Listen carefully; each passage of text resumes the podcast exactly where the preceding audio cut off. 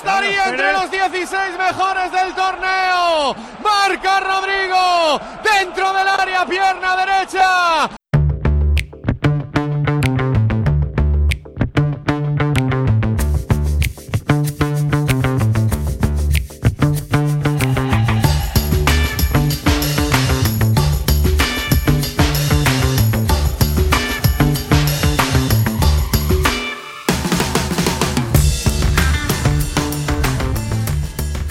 Sådär, goddagens! Hej och välkomna ska ni vara till Valencia-podden som vanligt. Och det här är ju dagen efter CL-matchen mot Ajax. Eh, så vi kör ett nytt avsnitt på riktigt glatt humör.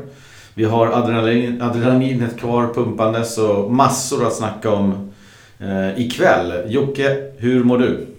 Jag mår väldigt, väldigt bra. Känns, det kan jag tänka mig. Ja, herregud. Man har gått på moln idag när man var på jobbet. Så nej, det var riktigt, riktigt härligt med, med segern från igår. Så det mår man gott av. Ja, men den är ju där uppe eh, bland de bättre, härligare och viktigare matcherna med mest känslor liksom de senaste åren tycker jag. Ja, man drog lite paralleller. Vi var inne på det innan, mm. innan vi började spela in här också. Getafe-matchen och Copa del Rey-final mot Barcelona. Det är de känslorna som kommer åter. Mm. När man eh, lyckas med en sån här prestation. Och ni, ni, ja, det var inte många som trodde på det här på förhand. Så. Nej, verkligen inte. Sen är det väl alltid eh, såklart någonting alldeles extra när man spöar Barcelona och vinner en pokal. Men det, det kändes ju igår som att det var betydligt mycket viktigare än en vanlig seger eh, i La Liga eller en, en vinst mot Barcelona kanske i La Liga. Nu var det ju liksom ett avancemang på spel och på det sättet som de krigade och genomförde matchen så kändes det verkligen som att det, det var en speciell tillställning. Ja, extremt. Det är ju inte liksom en ligamatch som vi var inne på tidigare också, den mot Real Madrid bara så där det är bara tre poäng som står på spel. Utan här är det ju extremt mycket mer utan en slutspelsplats och en jädra massa pengar. Och det är härligt ja. att följa fortsättningen på det här. Då. Ja, man satt ju på helspänn hela matchen och skrek rätt så högt när Rodrigo petade in den. Men vi kommer in på den matchen lite grann. Vi har precis som vanligt nyheter, nersnack Levante, nersnack Ajax, uppsnack härliga eh, matchen mot Real Madrid. Eh, att ta oss igenom. Så vi hugger igång här på nyheter. Börjar med de dåliga. Eller, eh, jag vet inte, vi kanske har några fler dåliga. Men eh, den första är dålig och det är Maxi Gomez, han är skadad. Och nu vet vi att han missar resten av säsongen. Nu är det inte så mycket, eller resten av året ska jag säga, förlåt. Eh, nu är det inte så mycket kvar av det här året så att han blir borta åtminstone tre veckor. Eh, jag tror att de skrev till och med fyra då. Så att eh, han får fira jul någonstans i Uruguay utan träning med Valencia då. Så får vi se. vi hoppas att han kommer tillbaks så fort som möjligt. Ja, han lär ju ladda upp med termosen där och åka upp i bergen igen och, och campa mm. eller någonting. Precis. Så, ja, det, det är tråkigt såklart att han missar resten av matcherna nu då, det här året. Men hoppas att rehaben går bra. Kommer tillbaka starkare. Ja, det är lite tunt på flera poster. Maxi är ju en spelare som verkligen gjort avtryck nu så det vore kul att, att ha han med så fort som möjligt. Ja, verkligen. Men nu har ju Gamero kommit igång också så det är en ja, fullgodkänd ersättare. Ja, fast jag vet inte. Han gick också av igår och såg lite skakig. Jag har inte sett någonting om den skadan riktigt. Nej, jag har inte läst någonting att han ska vara borta eller så. Men ja, förhoppningsvis så kommer han kunna spela till helgen. Ja, verkligen. Annars har vi Vallejo och Sobrino. Ja, det vill man ju helst inte se. Nej, sen så, har vi se, sen så har vi C-lottningen på måndag klockan 12. Rullar kulorna i de här härliga skålarna. Och vi kan väl konstatera nu att vi eh, hamnar i bombo sidning. Eh, det vill säga där alla gruppettorna hamnar. Och eh, som vanligt så kan man inte möta någon från samma grupp som man har varit i, det vill säga Chelsea. Och sen kan man inte möta något lag från samma land. Och det betyder att vi inte kan lottas mot PSG, Real, Bayern München, City, Juventus, Atleti, Liverpool, Barca eller Red Bull Leipzig. Eh, däremot så kanske det är lite mer intressant att höra vilka vi kan lottas mot. Eh, och det är fyra lag som är klara som vi kan lottas mot. Och det är Tottenham, Lyon, Dortmund, Napoli. Sen tillkommer det ju ett lag från den gruppen som spelar just nu när vi spelar. Och där har du ju Atalanta, Shakhtar och Dinamo Zagreb va? Ja, mycket riktigt. Ett av de tre kan... kommer ju komma tvåa där. Precis, och det är ju fullt liksom överkomliga motståndare ändå. Men sen finns det ju en mardröm i Tottenham framförallt som mm. jag absolut inte vill ha. Men att få, få ett Lyon till exempel, det, det hade ju varit väldigt trevligt. Ja, exakt. Det känns som överkomligt i alla fall. Dortmund eh, skakar ju lite, även fast jag ser dem som en väldigt tuff motståndare. Och det är samma med Napoli, har haft lite turbulens här nu då. Får vi se vad Gattuso kan uträtta där. Eh, ja, det känns inte omöjligt i alla fall. Nej, det gör det inte. Eh, Dortmund har ju har lite problem framåt så att säga och är ju skakiga ibland defensivt. Blandar och ger. Så att eh, skulle nog tänka mig att de håller väl ungefär samma klass som Valencia. Så det är väl lite 50-50 om vi lottas mot dem skulle jag säga. Ja, det hade varit värre att vara i, i Lotto Skål eh, nummer osida då, eller Lotto Skål nummer två. Och, och ha de här PSG och City och Bayern München och Juventus och Liverpool, Barca och alla de här Ja, då, då, då får man hoppas på Red Bull kanske, men det är inte heller så roligt. Nej, det, det är nog tack och godnatt om man får en sån motståndare redan i åttondelen där så. Men, men. Vi håller eh, ett uh, nyfiket öga på lottningen på måndag lunch. Får man uh, ta en liten uh, lunchlåda och sätta sig någonstans med iPad kanske? Ja, mycket riktigt. Sen är vi mindre än en månad borta från vintertransferfönstret och det är väl inte något super heta aktuella nyheter men det har ju droppat in lite grann kring Gamero då. Spelaren själv ska ju ha sagt nej till eh, Nantes i franska Ligue 1. Eh, då han säger sig vilja fullfölja kontraktet med Valencia. Han trivs bra och har ingen avsikt att sticka. Men nu har även Fenerbahce anmält intresse. Eh, personligen så behåller jag gärna Gamero nu när investeringen väl är gjord. Om man inte får någon typ av fantasibud och det ska kanske vara från Kina och så. Det återstår väl att se hur Gamero känner i januari då han fram tills nu då i alla fall har hamnat lite i skuggan bakom eh, Maxi och Rodrigo. Nu är Maxi skadad då, så att han får ju kliva fram ur skuggorna och spela. Men eh, jag tycker han har gjort det riktigt bra i år och eh, jag behåller gärna honom. Ja, nej, men det är exakt som du är inne på med investeringen. var mycket pengar för honom tyckte man ju. Så det känns ju väldigt bortkastat om man ska slänga iväg honom för några få miljoner. Mm eh, nu i januari. Utan då är det ju bättre att vi behåller han också. Speciellt när vi inte har så stor bredd längst där framme och också med Maxi skada nu då eh, året ut så ser jag gärna att vi behåller honom. Ja, verkligen. Sen hade vi en till artikel i Super förra veckan om norsken med det svenskklingande namnet Jonas Svensson.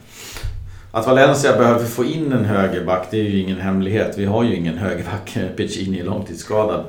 Eh, så tydligen så hade vår scout Jorge Lopez, gammal Valencia-spelare med några matcher. Ja, missade helt när han smög in som någon typ av scout. Eh, men han var på plats för att kolla in 26-åriga norska högerbacken i AZ i Holland. Förra veckan tror jag det var, eller förrförra.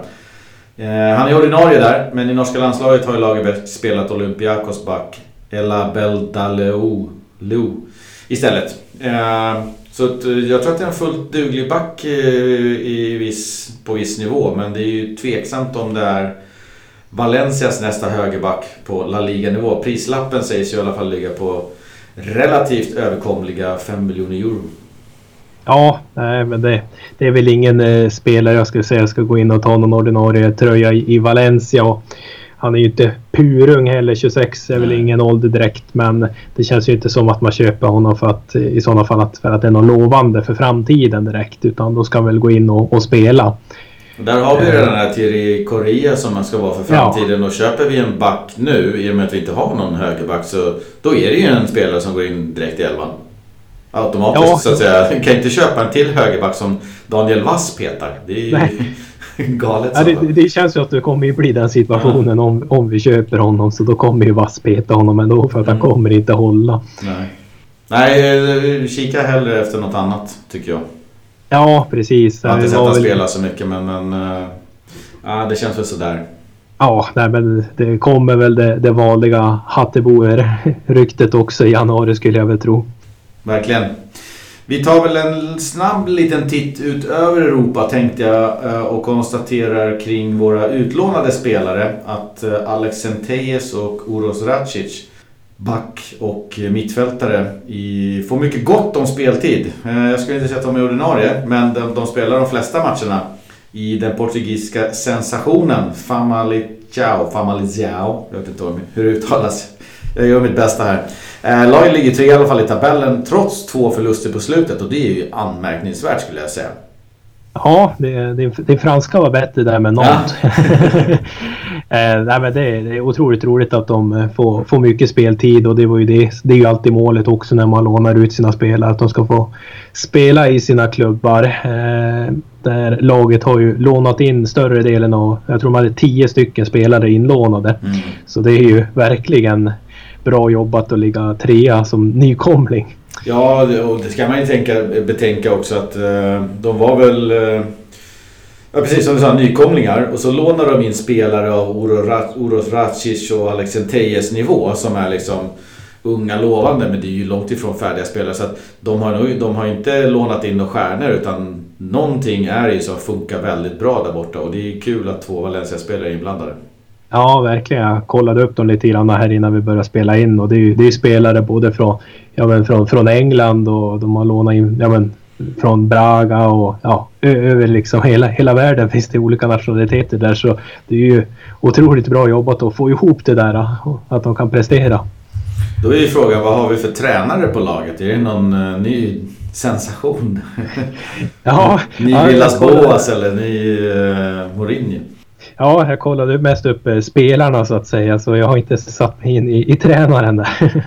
Nej, jag tänkte lyckas han liksom vaska guld ur, ur inlånade Segunda-spelare så är det ju fantastiskt.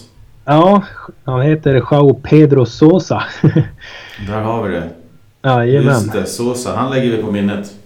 Det gör vi. Ny dundertränare. Varit assisterande i Everton tidigare. Ja. Ni vet vad ni hörde det först i alla fall.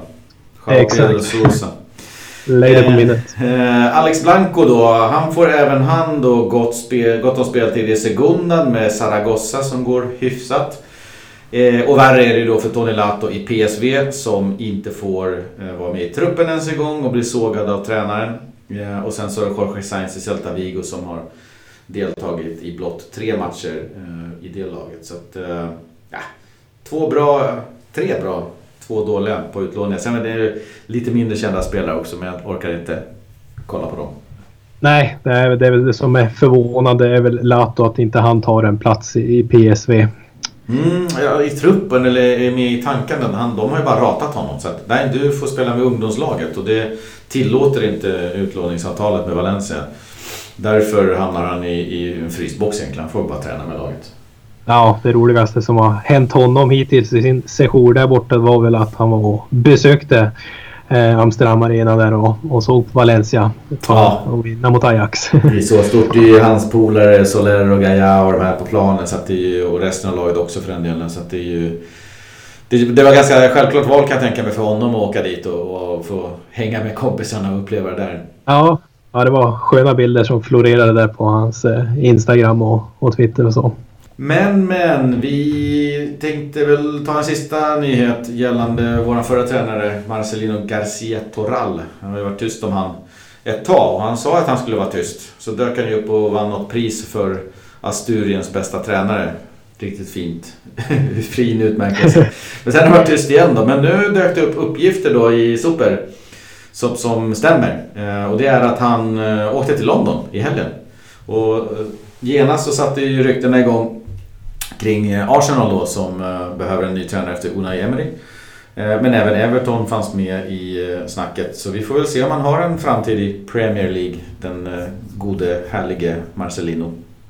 Ja, eh, även West Hams tränare Pellegrini hänger ju väldigt lös. Så det mm. kan ju också vara något sånt han pysslade med när han var där i London. Men Arsenal har ju väldigt svårt att se att han skulle få jobbet. Eh, även fast han är intresserad att ta dit sin, sin stab. Så tror jag inte riktigt att det, det, det är rätt namn för, som Arsenal kollar efter. Nej, jag tror att Arsenal är en ganska knepig klubb också. för att de, det är ju en stor klubb liksom. Eh, just nu och de senaste åren har de inte haft någon framgång. Eh, men de gapar ju liksom efter de här Ancelotti, Allegri, de här stora namnen där ute. Men mm. eh, vad jag förstår så, så har de ingen tanke på att spendera några pengar. Eller det, det är det som har varit problemet alltid. Att de, Arsenal bränner inga pengar och den här typen av stortränare kräver ju investeringar. Så, ja, men jag vill ha två miljarder att investera och jag vill förstärka backlinjen till exempel som behövs förstärkas. Jag vill skicka Özil och ta in ny och så vidare. Får de inte det så är de inte superintresserade av Arsenal för då har de inga liksom, förutsättningar att lyckas. Marcelino är nog en sån som tar Arsenal osett. Ja, Utan krav. För jag, vad jag förstår så har han i alla fall anmält intresse och sagt att jag är intresserad. Så återstår det att se då. Ja, han skulle nog acceptera liksom att ta över en befintlig trupp och ha lite mindre budget och, och jobba med i, i, vinterfönstret och till sommaren. Medan de här större namnen vill, vill ju ha mer att säga till om. Så det är väl därför de inte har lyckats eh, knyta an sig de här topptränarna ute i Europa heller. Ja, han är på någon typ av uh, lista i alla fall. De har samtalat. Hur är det med Marcelinus engelska? Jag kan inte dra mig till minnes att jag någonsin hört honom prata engelska. Nej, det, det blir väl en ny good evening, ja, good evening. I, i honom också. Han får sätta sig i skolbänken bredvid Max Allegri och nöta. Ja, han bör inte läras ut av Emery i alla fall. ja, han känns ju som en riktig ultraspansk eh, så, lokal kille. Ja. ja, ja. Vi önskar Marcelino lycka till oavsett om det blir West Ham, Arsenal, Everton eller någonting annat. Ja, men det gör jag absolut.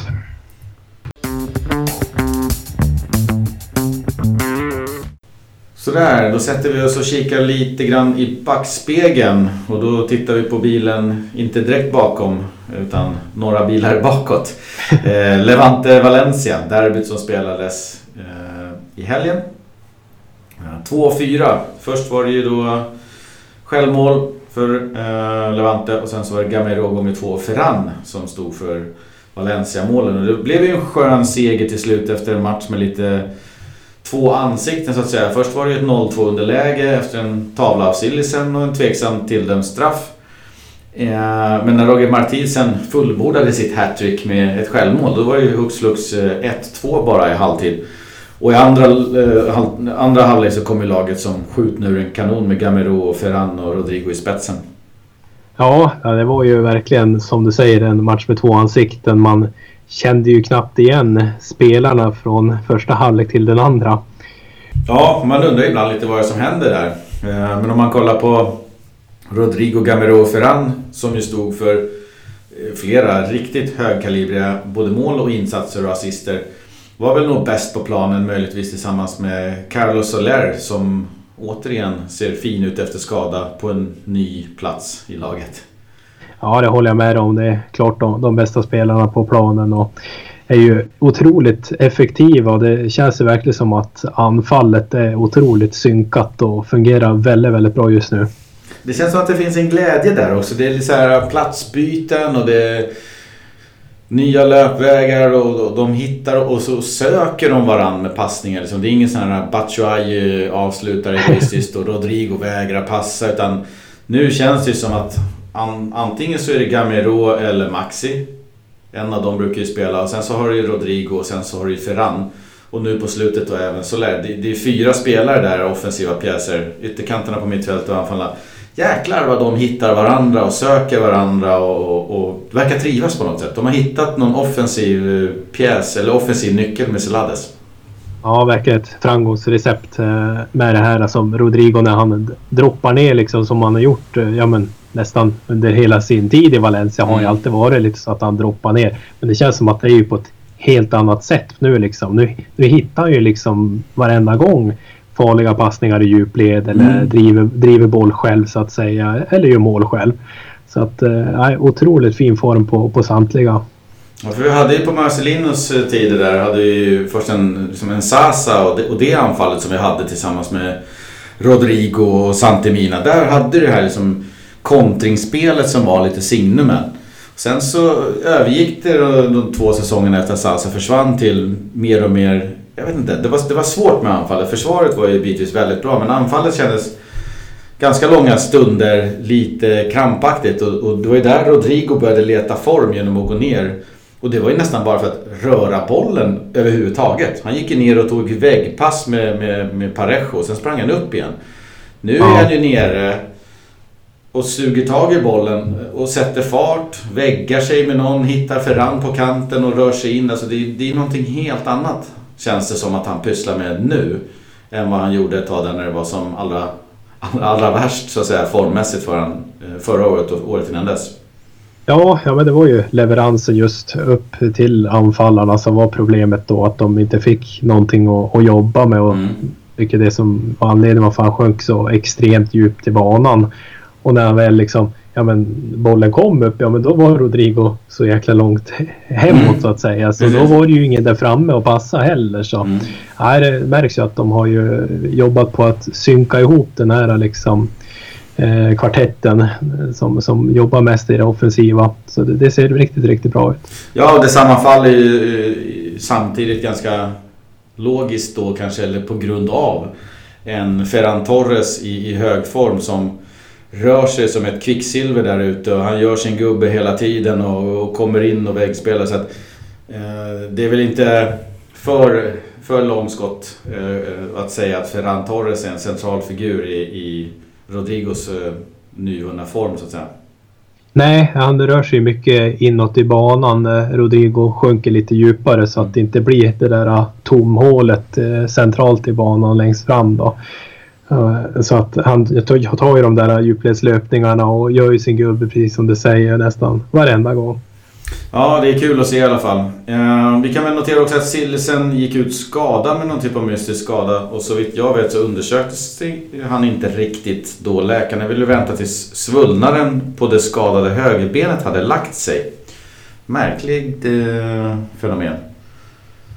Ja, det, vi har inte sett några som helst nyheter eh, om hur, hur länge man blir borta eller hur pass allvarlig skadan är. Så det, det återstår ju att se. Det är tur att vi har Jaume att slänga in där som inte har gjort bort sig. Nej, exakt. Han har ju sett riktigt bra ut och, och vi har ju ett par stora matcher på G här med, med Real framåt. Så att, Eh, ah, vi har täckning på målvaktssidan. Det är väl bara om eh, uh, Jaume skulle gå bort eller ta rött som det ser eh, lite darrigt ut bakom. Ja, Rivero där har man ju inte sett så jättemycket mer än på försäsongsmatcher så att ja, det känns ju väldigt darrigt om, om han skulle också försvinna också. Ja, så är det. Eh, du hade tre saker som du vill ta med dig från matchen. Ja, precis. Eh, vi var inne och touchade på det här också med, med första halvlek gentemot andra halvlek mm. och de, de skillnader som var. Eh, visst, man kan, ju, man kan ju prata om att förberedelsen till match är ju lika viktig såklart som snacket i halvtid för att mm. få till en förändring. Men där vill man ju faktiskt lyfta upp Selades förmåga att ändra matchbilden i halvtid. Eh, första halvlek såg ju spelet väldigt taffligt ut och Levante kom ju på målchans om vartannat. Mm. Eh, Roger Marti, den gamla Valencia-produkten där, han hittade ju oftast in eh, emellan försvararna i djupled och Morales gör ju som han brukar liksom, försöker hitta mellanytan mellan backlinje och mittfält och det, det gjorde han ju gång på gång och kom på avslut så ledde till farliga målchanser. Eh, men i andra halvlek, oj vad vi skärpte oss. Eh, Coquelin började ju vinna boll också. Han såg också ganska tafflig ut. Tappade mm. mycket och såg inte ut och Han verkar vara sen in i duellerna tyckte jag. Eh, men med de här bollsvinsterna centralt och Rodrigos kreativitet och viktiga passningar så kunde vi vända på den här steken och ta hem de här tre pinnarna. Ja, precis. Såg man bara andra halvlek så, så hade man ju varit eld och lågor över hur bra Valencia är just nu. Ja, då hade man inte varit orolig inför Ajax-matchen utan då, då hade man ju tänkt nu, nu kör vi bara över dem. Nej, jag gillar ändå det där... Eh, jag, ska inte, jag gillade Marcelino också men om man hade lite brister i sitt eh, ledarskap eller tränarskap så var det just det här med att han hade väldigt svårt att förändra matchbilder. Det var väldigt statiskt. Körde man ner med traktorspåren, eller traktorhjulen i spåren där, då, då var man fast. Och Celades verkar åtminstone ha förmågan att tillsammans med det här laget ändra matchbilder. För att jag är övertygad om att det krävs en tränare som kan det, men det krävs också 11 spelare som är mottagliga för det och förstår instruktionerna och vill göra någonting annat. Så att, det är kul att se. Det ger, man, ger, ger hopp om att eh, inga matcher bör vara avgjorda. Nej, han, verkar ju inte vara, vara rädd på att göra förändringar och jag tror säkert att hade...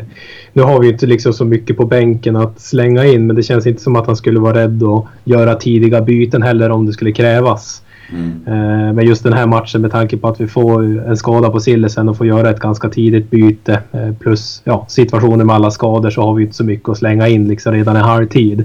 Mm. Så med att behålla de, de spelarna på plan då som man hade i, i, större delen av första och ändå kunna få till den här förändringen bara med ett taktiksnack. Liksom. Det, det ja exakt, och då förändrar det ju taktiska detaljer och, och, hur man löper eller hur man passar och, ja. och sådär. Och, och, det är jäkligt kul att se att det verkar vara så att Celades har den förmågan. Ja, verkligen. Eh, punkt nummer två tänkte jag vi går in på där då. Eh, och det är ju Sillesen här då som eh, darrar igen. Ja, det kan man säga. Vi, pratade ju om det förra avsnittet om hans ojämnhet och att det är ju många, många mål där man har känt liksom ah, det där borde han väl ha gjort bättre. Mm. Eh, för visst borde han ta 1-0 målet där som Roger Marti trycker in vid första stolpen ur ganska dålig vinkel också. Ja, verkligen. Eh, jag satt och kollade på det målet några gånger efteråt för att liksom bestämma om det är en målvaktstavla eller, eller om det bara är dåligt ingripande eller vad är det. Men, men, men jag slänger den någonstans ja, nästan på målvaktstavla. Det är på första stolpen, det är alltid målvaktens stolpe. Eh, det är, det är inte så superduper så nära så att han måste liksom göra en reflexräddning så. Utan, nej, det, jag tycker att den där ska du ta. Dels så ska du vara positionerad så, så att du hinner ner där och så. så att, uh, en miss av uh, Sillisen, det är det helt klart.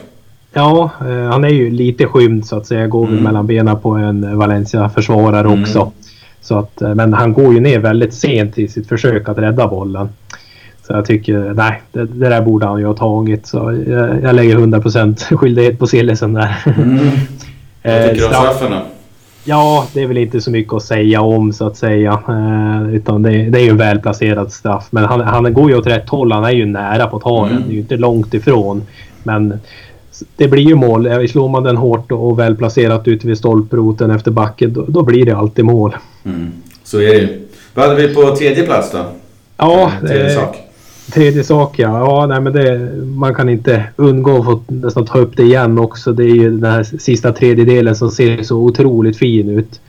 Eh, Rodrigos fantastiska passningsspel. Den här chippen till exempel till Gamero vid 2-2 målet. Den är ju döläcker. Ja, verkligen.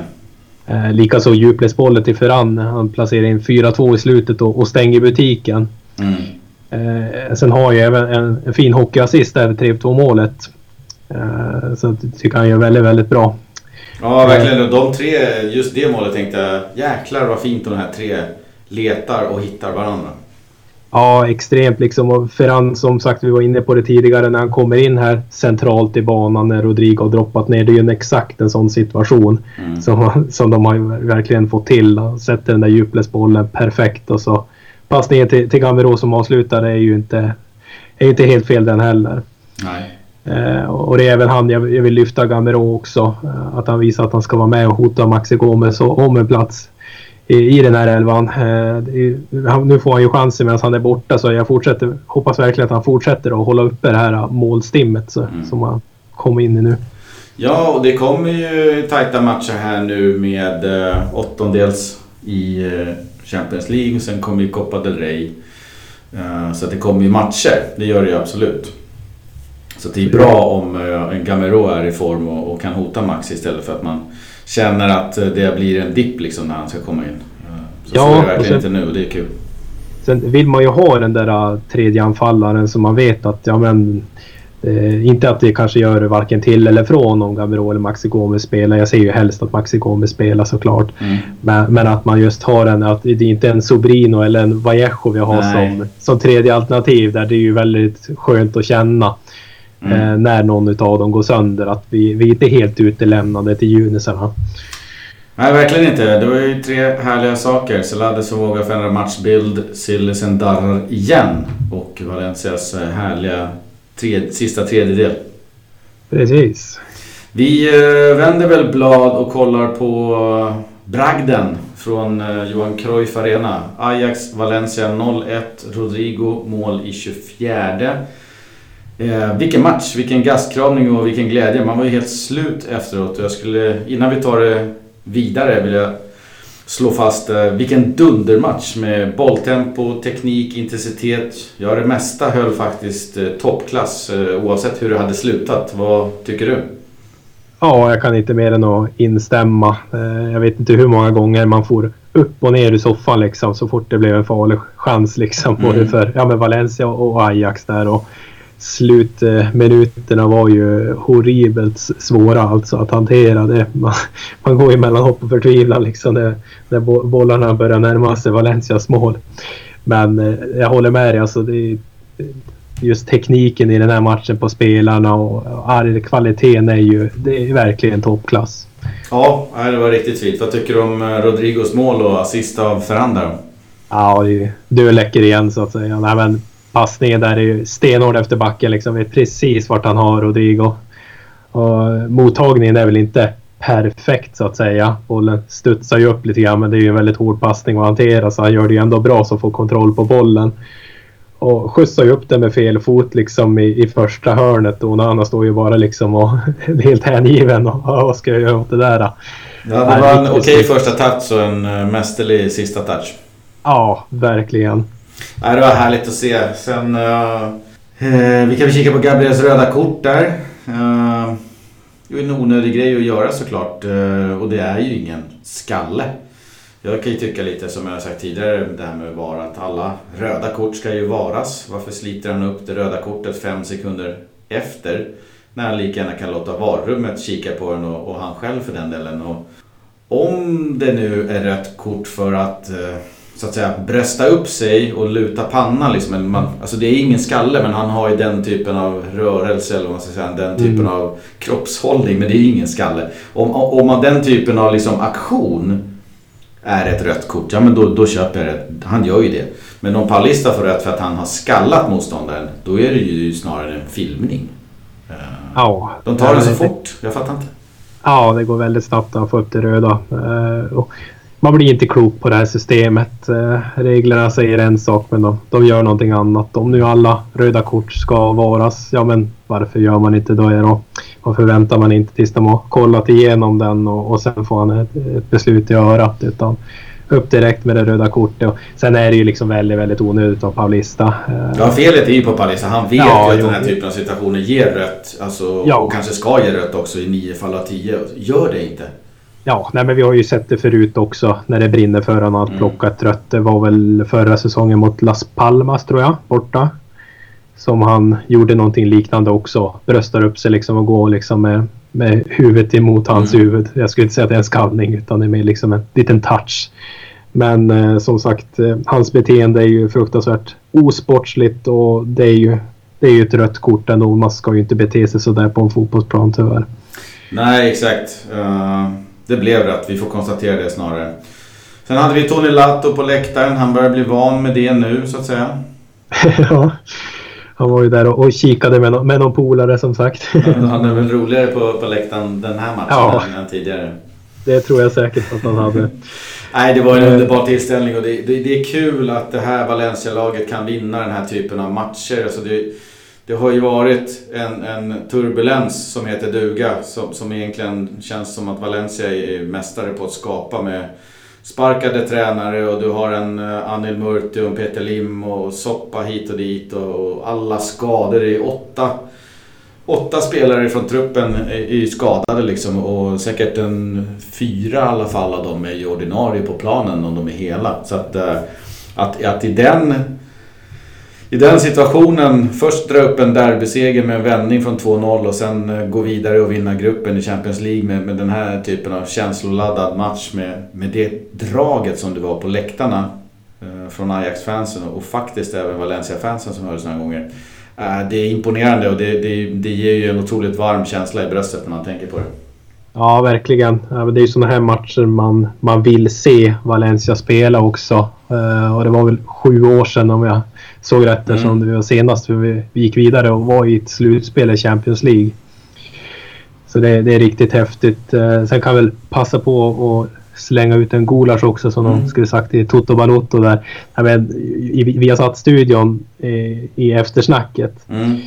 Eh, med tanke på förutsättningarna Valencia hade liksom att det var ingen riktigt som trodde på dem utan de flesta trodde att ja, men Chelsea vinner sin match och Ajax fixar minst mm. ett kryss hemma mot Valencia att Valencia då går och vinner gruppen mot de här förväntningarna och på sättet de gör det. Och sedan är det bara snack om Ajax uttåg och att en mm. era är på väg att dö ut för dem och analysera det mer än att lyfta det som du gjorde liksom med tanke på alla omständigheter kring klubben som har varit, den resa vi har gjort på så kort tid och hur vi presterar och tar oss vidare och vinner faktiskt gruppen här. Ja, det är ju... tycker jag är, är, är, lite tråkigt men det är väl här man får utlopp för det istället då. Exakt, det finns ett annat forum där det snackas ja. Valencia. Vad ska man göra annars? ja, precis. Nej, men jag håller med lite grann. Men, men de jobbar ju så att de har ju en uh, match som de har siktat in sig på och det var väl eh, inte Barca.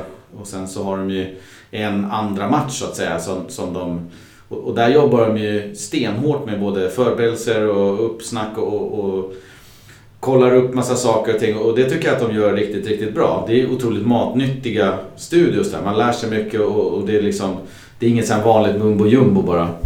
Uh, sen så är det lite mer tunnare på resten av lagen där de egentligen får plocka upp allt på uppstuds. Och då kan det nog bli lite svårt för dem att sitta i studion och sådär koka ihop uh, allt för mycket. Uh, men jag tycker som igår, visst kör Inter Barca eftersom det gäller någonting för Inter. Men ha ändå Valencia Ajax som andra match. Speciellt ja. som den såg ut och, hur, hur tajt den var på förhand och, och så, här, så att ha den förberedd också. Ja, det är lite det jag menar. Jag förstår ju också att de inte kan ha fokus på alla matcher. Men det, visst, de har ju sin huvudmatch, men det är ju den här matchen som är den hetaste och den som betyder mest av de andra matcherna som spelades igår kväll. Så hade de valt den här som huvudmatch, då hade de ju fått bullseye med tanke på hur den såg ut och hur bra den var och hur spännande den var. Då hade de ju fått hela dramatiken. Nu var det lite halvsömnigt på San Siro såg jag på min andra, på min platta då, då att eh, Barca var inte så dåliga egentligen och sen ledde de med 2-1 och Inter, ja, de hade några offside-mål och så här. Jag vet inte om den alls fanns den intensiteten och spänningen som det gjorde i den här matchen. Nej, nej, så det var ju en liten miss kan jag tycka från deras sida. Men det, annars studion på Viasat är ju, är ju fantastiska. Eh, ja, bra analyser och som du säger matnyttig information. Så det ska bli roligt också här. Jag som är en liten sucker för just studios och uppsnack. Liksom, det är något jag verkligen älskar. Mm. Så ska det bli riktigt roligt att, att se nu när det börjar vankas slutspelet. För då kommer de ju gå mer ingående på, på varje lag. Ja, om det inte blir Valencia-Lyon. Ja, om det inte blir som jag vill då. Ja, då, då är det inte mycket tror jag. Ja, nej, men då är det ju inte lika många matcher som spelas samtidigt heller så att säga. Så då, då, blir det ändå mer fokus på, på klubbarna som inte de brukar vanligtvis snacka om. Nej, så är det. Men jag eh, tänkte att jag skulle ta med mig tre saker från den här matchen och, och rada upp dem utan inbördes ordning. Uh, på första punkten då har jag egentligen uh, ingen lust att lyfta upp någon spelare så här när det är kollektiv krigarinsats vi snackar om. Jag väljer ändå att jag väljer att lyfta upp Rodrigo uh, som den första saken som jag tar med mig från matchen. Han inledde ju målskyttet i London med matchens enda mål. Och det gav ju de här tre oerhört viktiga poängen som bärgades där. Det gav ju grunden till att vi ens hade chansen att gå vidare igår. Sen gör han ett mål igår då, som såklart är, är snyggt och viktigt. Men jag vill lyfta upp hans match i övrigt. Uh, han hittade rätt på så många sätt tycker jag i Selades 4-4-2 taktik och igår var han liksom banne mig överallt. Han var nere och hämtade boll och han var uppe och pressade Ajax till misstag. Han står ju för de här tre farliga avsluten som vi egentligen har och helt förståeligt nog så såg han ju ut så trött, så trött, så trött. Det fanns ingen bensin kvar i, i kan sista minuterna efter den kämpainsatsen. Eh, matchens lirare enligt mig och hatten av. Ja, verkligen. Han visar återigen hur bra han är i den här matchen och tar ju liksom ett steg längre som du säger med, med tanke på allt han gör. Både pressspel och det avgörande målet. Så att det, det är förståeligt att han ligger där nästan och, och spyr för att han är så jävla trött i slutminuterna. Det här är, det är en kille som har blivit ganska illa behandlad i somras med en övergång ja. som inte blev av och så vidare och, och, så mycket som han har gjort för Valencia och kämpat för Valencia. När han står där och pekar på klubbmärket efter målet då. Det är ju ingen Zlatan som kysser klubbmärket i Juventus första träningen liksom utan det är äkta.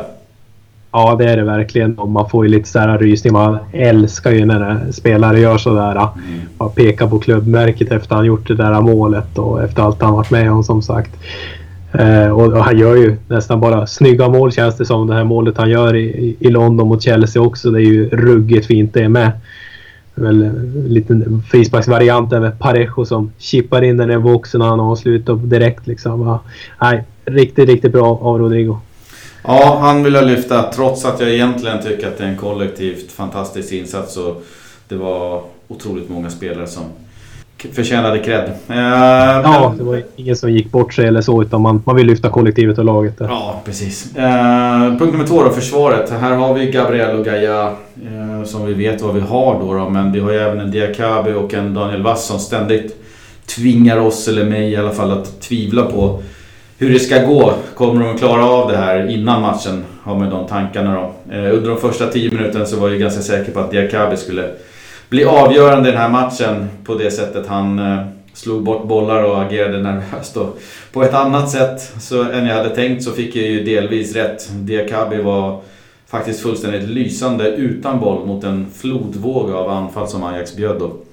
En match som den här så väljer jag att glömma Diakabis aktioner med boll. Eh, samma med Daniel Wass misstag som nästan höll på att kosta oss avancemanget. Jag väljer också att glömma bort Gabriels utbrott som kostade rött kort och konstaterar istället att det som alla andra kallar för ett dåligt Ajax och en dålig Ajax-insats, det kallar jag istället för Valencias försvar. Boom! Vilka krigare. Ja, jag kunde inte sammanfatta det bättre själv. Eh, om man ska plocka upp något så Diakaby här som, som är liksom, ja men han är ju en jätte i luften verkligen. Mm. Han förlorar ju inte en duell. Men eh, bollen kan ju hamna precis vart som helst. Ja. eh, han fick ju, jag tror vad var det, 13-14 hörnor i, emot oss. Och jag kan ju nästan garantera att mer, mer än hälften kom ifrån från Diakaby liksom när han ska iväg med bollen.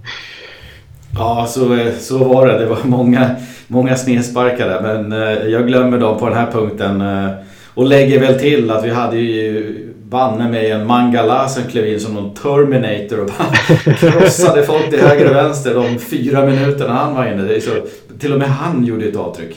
Ja, det var helt galet liksom. Han kommer in där, tänkte han lever knappt nudda bollen liksom. Nej. Men han är ju uppe och, och köttar liksom och är ju ett monster och bara tjongar iväg bollarna och trycker undan Ajax-spelare. Ja, det är så otroligt så att, att den som spelar som varit på sidan under hela matchen liksom har, har den intensiteten och energin när han kommer in och ska bara runda av det här så att säga.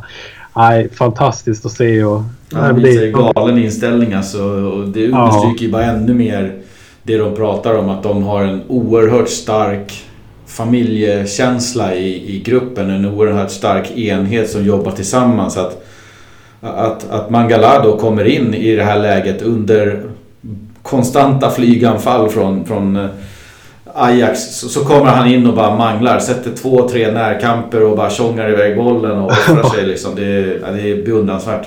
Ja, det är fantastiskt att se och det du är inne på där också med, med att det känns som att de är så familjära och det mm. syns ju också när de uttalar sig i intervjuer och vad de lägger ut på sociala medier liksom att de är de är ett, liksom, en familj, vi liksom ses så mycket varenda dag, vi gör det här tillsammans och så vidare. Ja, det är verkligen ett, en kollektiv dunderinsats.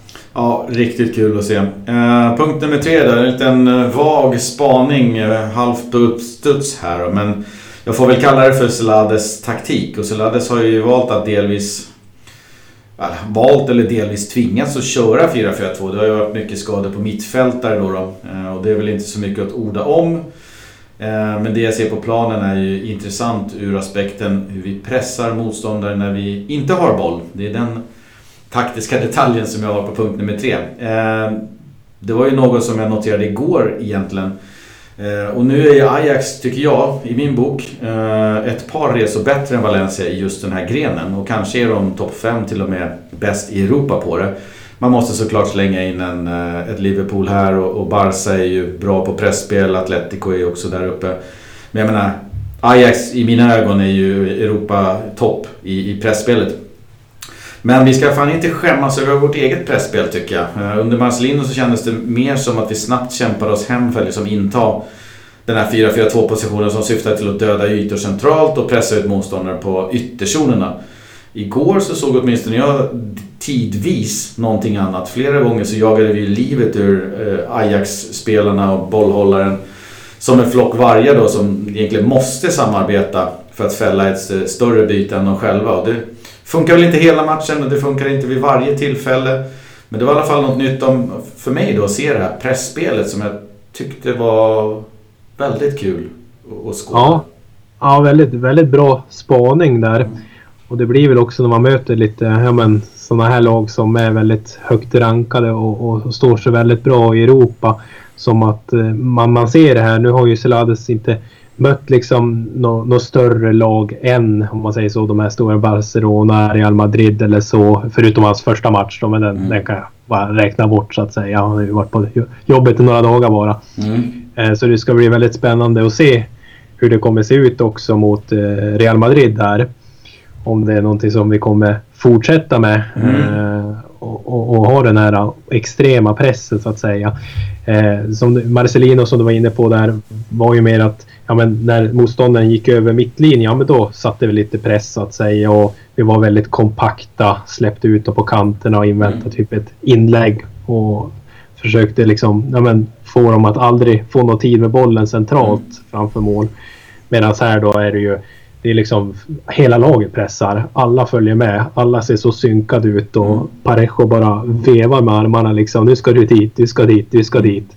Ja, det såg, såg väldigt, väldigt spännande ut. Ja, det kändes lite mer som... Jag tyckte inte att de mäktade med att göra det hela tiden. För att Ajax är oerhört bollskickliga, det ska man veta.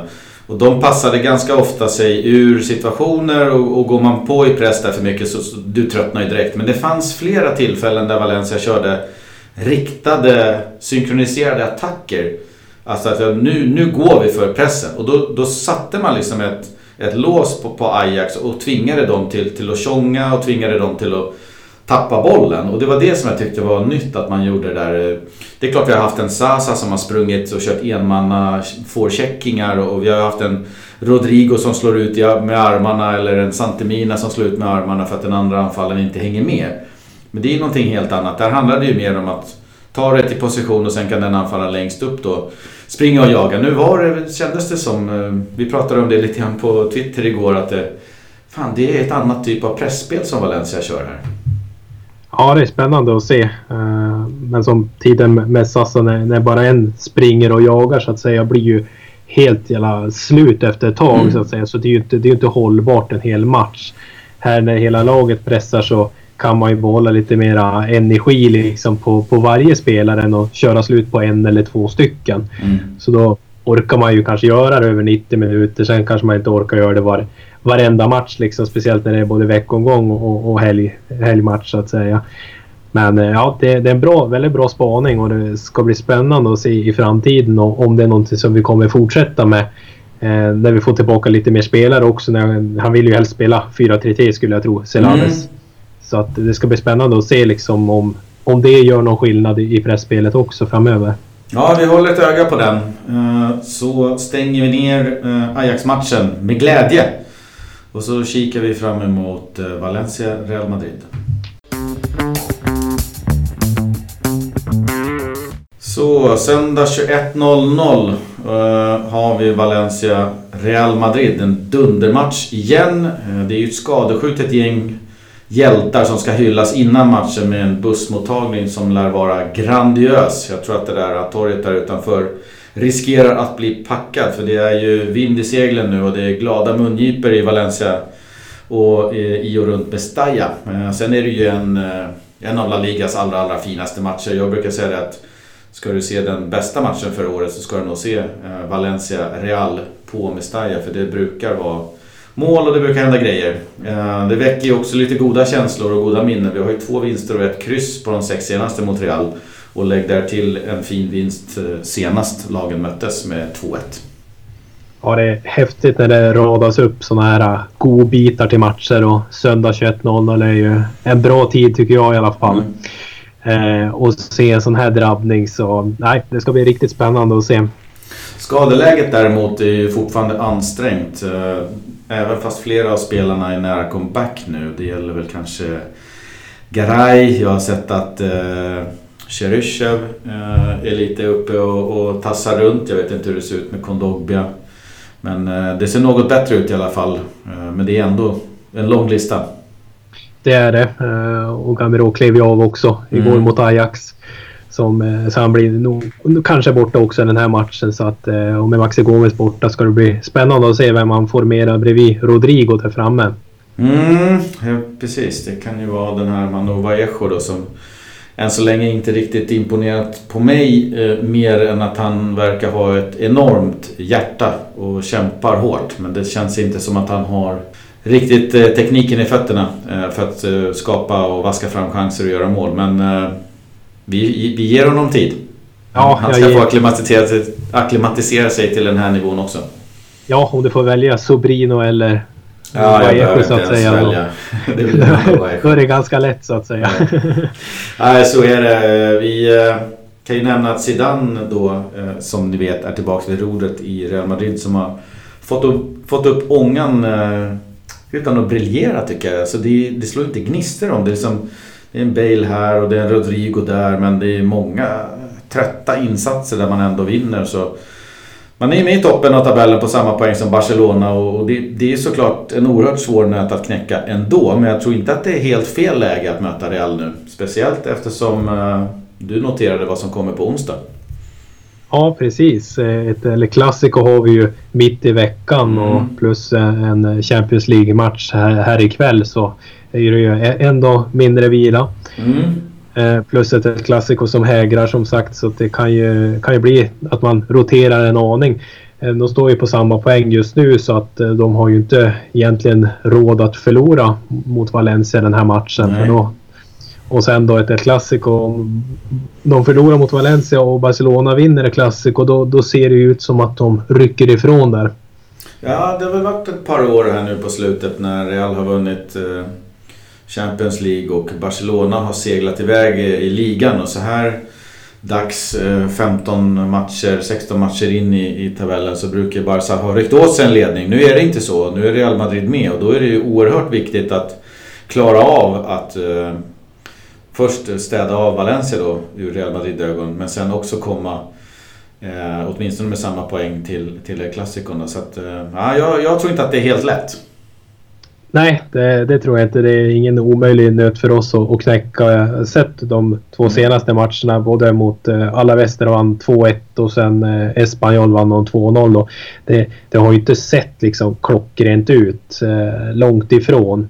Så jag tror absolut att vi kan vara med och, och hota i alla fall ta en pinne. Nu ska ju sägas också att eh, Real Madrid har ju bara förlorat en match så att säga den här mm. också. Eh, det är ju så att de har ju kryssat en del vilket har lett till till den, den placering som de har hamnat på nu då, på samma mm. poäng bakom Barcelona. Ja, det är två lag i alla fall i, i riktigt, riktigt bra form eh, så att säga vinstmässigt. Jag tror de hade ett kryss mot PSG va, i Champions League, Real hemma, som väl gjorde att de blev klara i alla fall. Eh, men sen så har de ett par vinster och detsamma gäller ju Valencia. Kommer med, med vinst mot Levante och vinst mot Ajax i bagaget.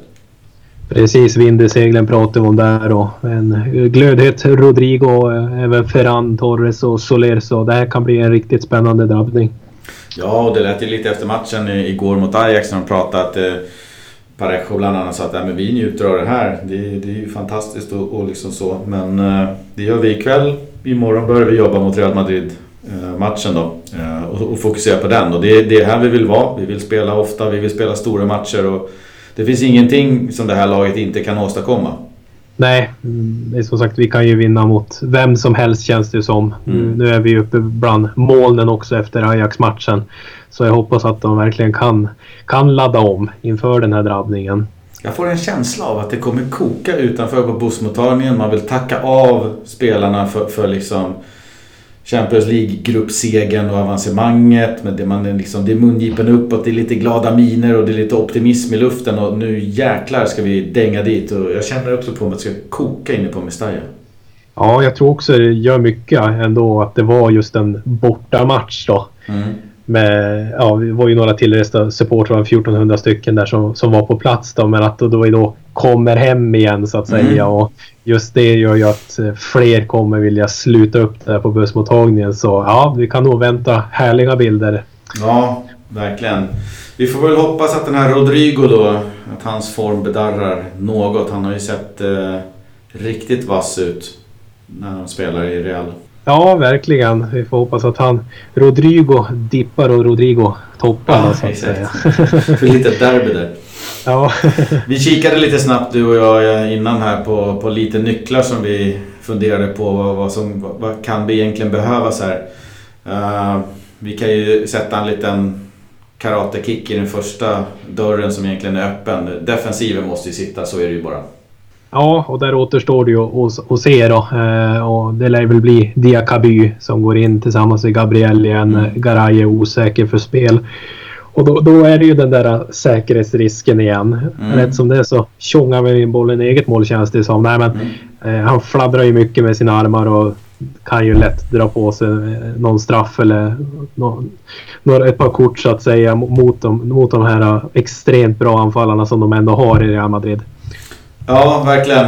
Men det gäller att vi åtminstone håller nere siffrorna. Så menar, håller vi nollan är det klockrent och släpper vi ett mål så har vi hela tiden chansen. Men rinner det iväg till kanske 2-3-0 så, så blir det ju svårt. Så att, eh, det är ju självklart att eh, en defensiv måste sitta. Sen skriver vi ner bollen i havet. Det kan ju lätt bli så när man möter Real Madrid till exempel att, att bollinnehavet rinner en ur händerna lite grann. Att det är de som hela tiden rullar och trillar och, och har boll. Och då blir det jobbigt, det blir kämpigt. Det är svårt att skapa något annat än omställningar och sådär. Så jag tror att det är viktigt att Valencia också håller i lite boll. Att Parejo lyckas fördela bollen och vi lyckas så att säga, ja, som de så populärt säger, vila med bollen. Ja, exakt. Det är ett, ett bra ord så att mm. säga. Men, eh, nej, men och, och försöka hålla i bollen och, och liksom inte stressa iväg och tjonga iväg den för då, då blir, kommer de ju bara våg på våg. Exakt. Eh, och Real Madrid kommer ju göra mål. De gör ju mål. Så enkelt mm. är det ju. Så att det kommer vara extremt viktigt att behålla bollen inom laget. Mm. Och jag tror också att eh, vår tredje punkt är att göra mål framåt kommer att behövas för att få, få med sig poäng i den här matchen. Och då är kontringar och omställningsspelet eh, oerhört viktigt. Hur man snappar upp bollar och vänder snabbt. Precis som, som eh, Rodrigo och Ferran nu har visat riktigt härligt bevis på att de kan göra. Då. Så att, nej, omställningsspelet och hur man går till anfall tror jag är otroligt viktigt. Och mål måste nog göras. Ja, mål kommer behövas göras i alla fall. En två, två, tre mål behöver göras framåt för att vi ska kunna vinna en sån här match eh, mot eh, Real Madrid. Och vi har ju våra anfallare och yttrar i toppform. Mm. Så att det, det, är absolut, jag tror, jag tror att vi kommer vinna den här matchen. Två, tre mål behöver göras. Då tänker jag att vi släpper in en till två. Ja, det känns ja, som att... Diakabi och Vass och Jaume Ja, precis. Vi har han fladdrande Diakabi i backlinjen. Även Real Madrid kommer göra mål så att vi, vi måste göra, göra fler helt enkelt. Då vinner man fotbollsmatcher. Ja, så enkelt så är det. det. ja, ja. En riktigt härlig match. Söndag kväll. Städa av bindan. Natta barnen. Det är bara duka upp med, med lite julmust och kanske pepparkakor och slå sig ner 21.00 så dundras det igång. Kanske slänger in en liten ädelost där också. Ja, det... Jag är inte så förtjust i ädelost och pepparkakor men då får jag köpa lite kex och grejer kanske. Ja, vi kan ju ta det någon. Nu har du satt tankar i rullning här vet du. Ja. sitter man där med en charkbricka innan det här är slut. ja. Nej, det är härligt. Jag ska väl försöka ge mig på en scorecast här. Då... Eh, jag måste ju också tänka att det blir lite bra fart. Jag tror det blir 2-1 till Valencia. Eh, jag känner att... Jag känner att grabbarna rider på den här framgångsvågen. Eh, publiken kommer ju vara bakom dem hela vägen och får vi igång den där kokande känslan, den här högtalaren så, så skriker det i, i ansiktet så kan det bli riktigt bra. Eh, jag tror på Parejo. Ja, den är inte fel. Nej, blir det så så är vi nog nöjda båda två. Ja, absolut. Det, det är taget på förhand. Mm. Eh, nej, men som, som jag var inne på, Real Madrid kommer göra mål. Men eh, jag tror att eh, Valencia laddar om efter den här Ajax-matchen och, och vinner med 3-1. 3-1. Och som första målskytt så sätter jag Rodrigo. Mm. Två kända ansikten. Jag har inte fått in någon scorecast från Niklas, men han brukar ju vara duktig på att slänga sig in i Twitter-tråden. Då så, då har vi rullat upp mot en timme och trillat över den till och med, tror jag. Eh, så vi avslutar väl härifrån eh, med förhoppningar om att ni återfått, precis som vi, eh, stor del av eh, geisten och eh, tron på laget. För det kändes som att det dippade lite grann när Marcelino försvann. Och, du vet, turbulensen med mörkret och Anil Murti. Nu känns det som ja. att, vad fan... Jag såg någon på Twitter skrev, någon av våra lyssnare tror jag, som skrev att eh, jag hade ju tappat den här säsongen. Jag hade ju liksom vaskat den. Det var, det var över. Och så går de och gör något sånt här. Nu, nu är jag ju tillbaks. Ja, nej, men det kan man ju Det är så jag känner också lite grann att... Eh, ja, fan, nu, nu, är det, nu är det kul alltså. Nu är det riktigt härligt. Känns lite grann som de ja, men bara skiter i omständigheterna mm. runt omkring liksom. Utan de är i sin egna bubbla och, och får ut de här prestationerna. Nej, det är beundransvärt. Jag känner ibland att är det inte ett perfekt läge för Anil Murti att kliva ut ur skuggan. Han har ju varit tyst i hundra år nu.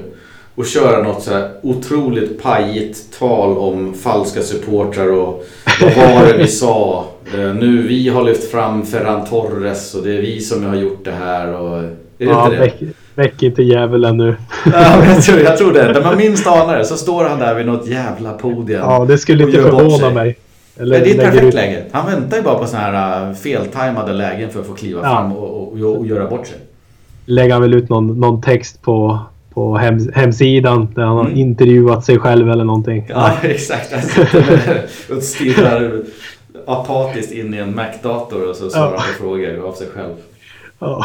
Nej, vi, vi hoppas att det bara är en dålig, dålig, dålig tanke som dök upp i huvudet. Ja. Nu gör Janne Murti så mycket mer rätt än för två månader sedan. Det är att han håller käften och han ser till så att Peter Lim kommer in i sin bil igår och kan komma iväg från arenan. Liksom. Det är det hans jobb är. Ja, han borde hålla sig ingenting. där liksom. Nej, låt det vara. Men men, eh, låt oss inte fastna med Anil Murti på tankarna utan ha Aja till tankarna efter att ni har hört den här podden och så ni är med oss gärna nästa vecka. Vi är så glada och tacksamma att ni lyssnar och eh, orkar integrera med oss och vill integrera med oss på ja, primärt Twitter är det nu för tiden så vi, vi kör väl vidare. Ja absolut och jag får tacka för lovorden också. Ja, det värmer.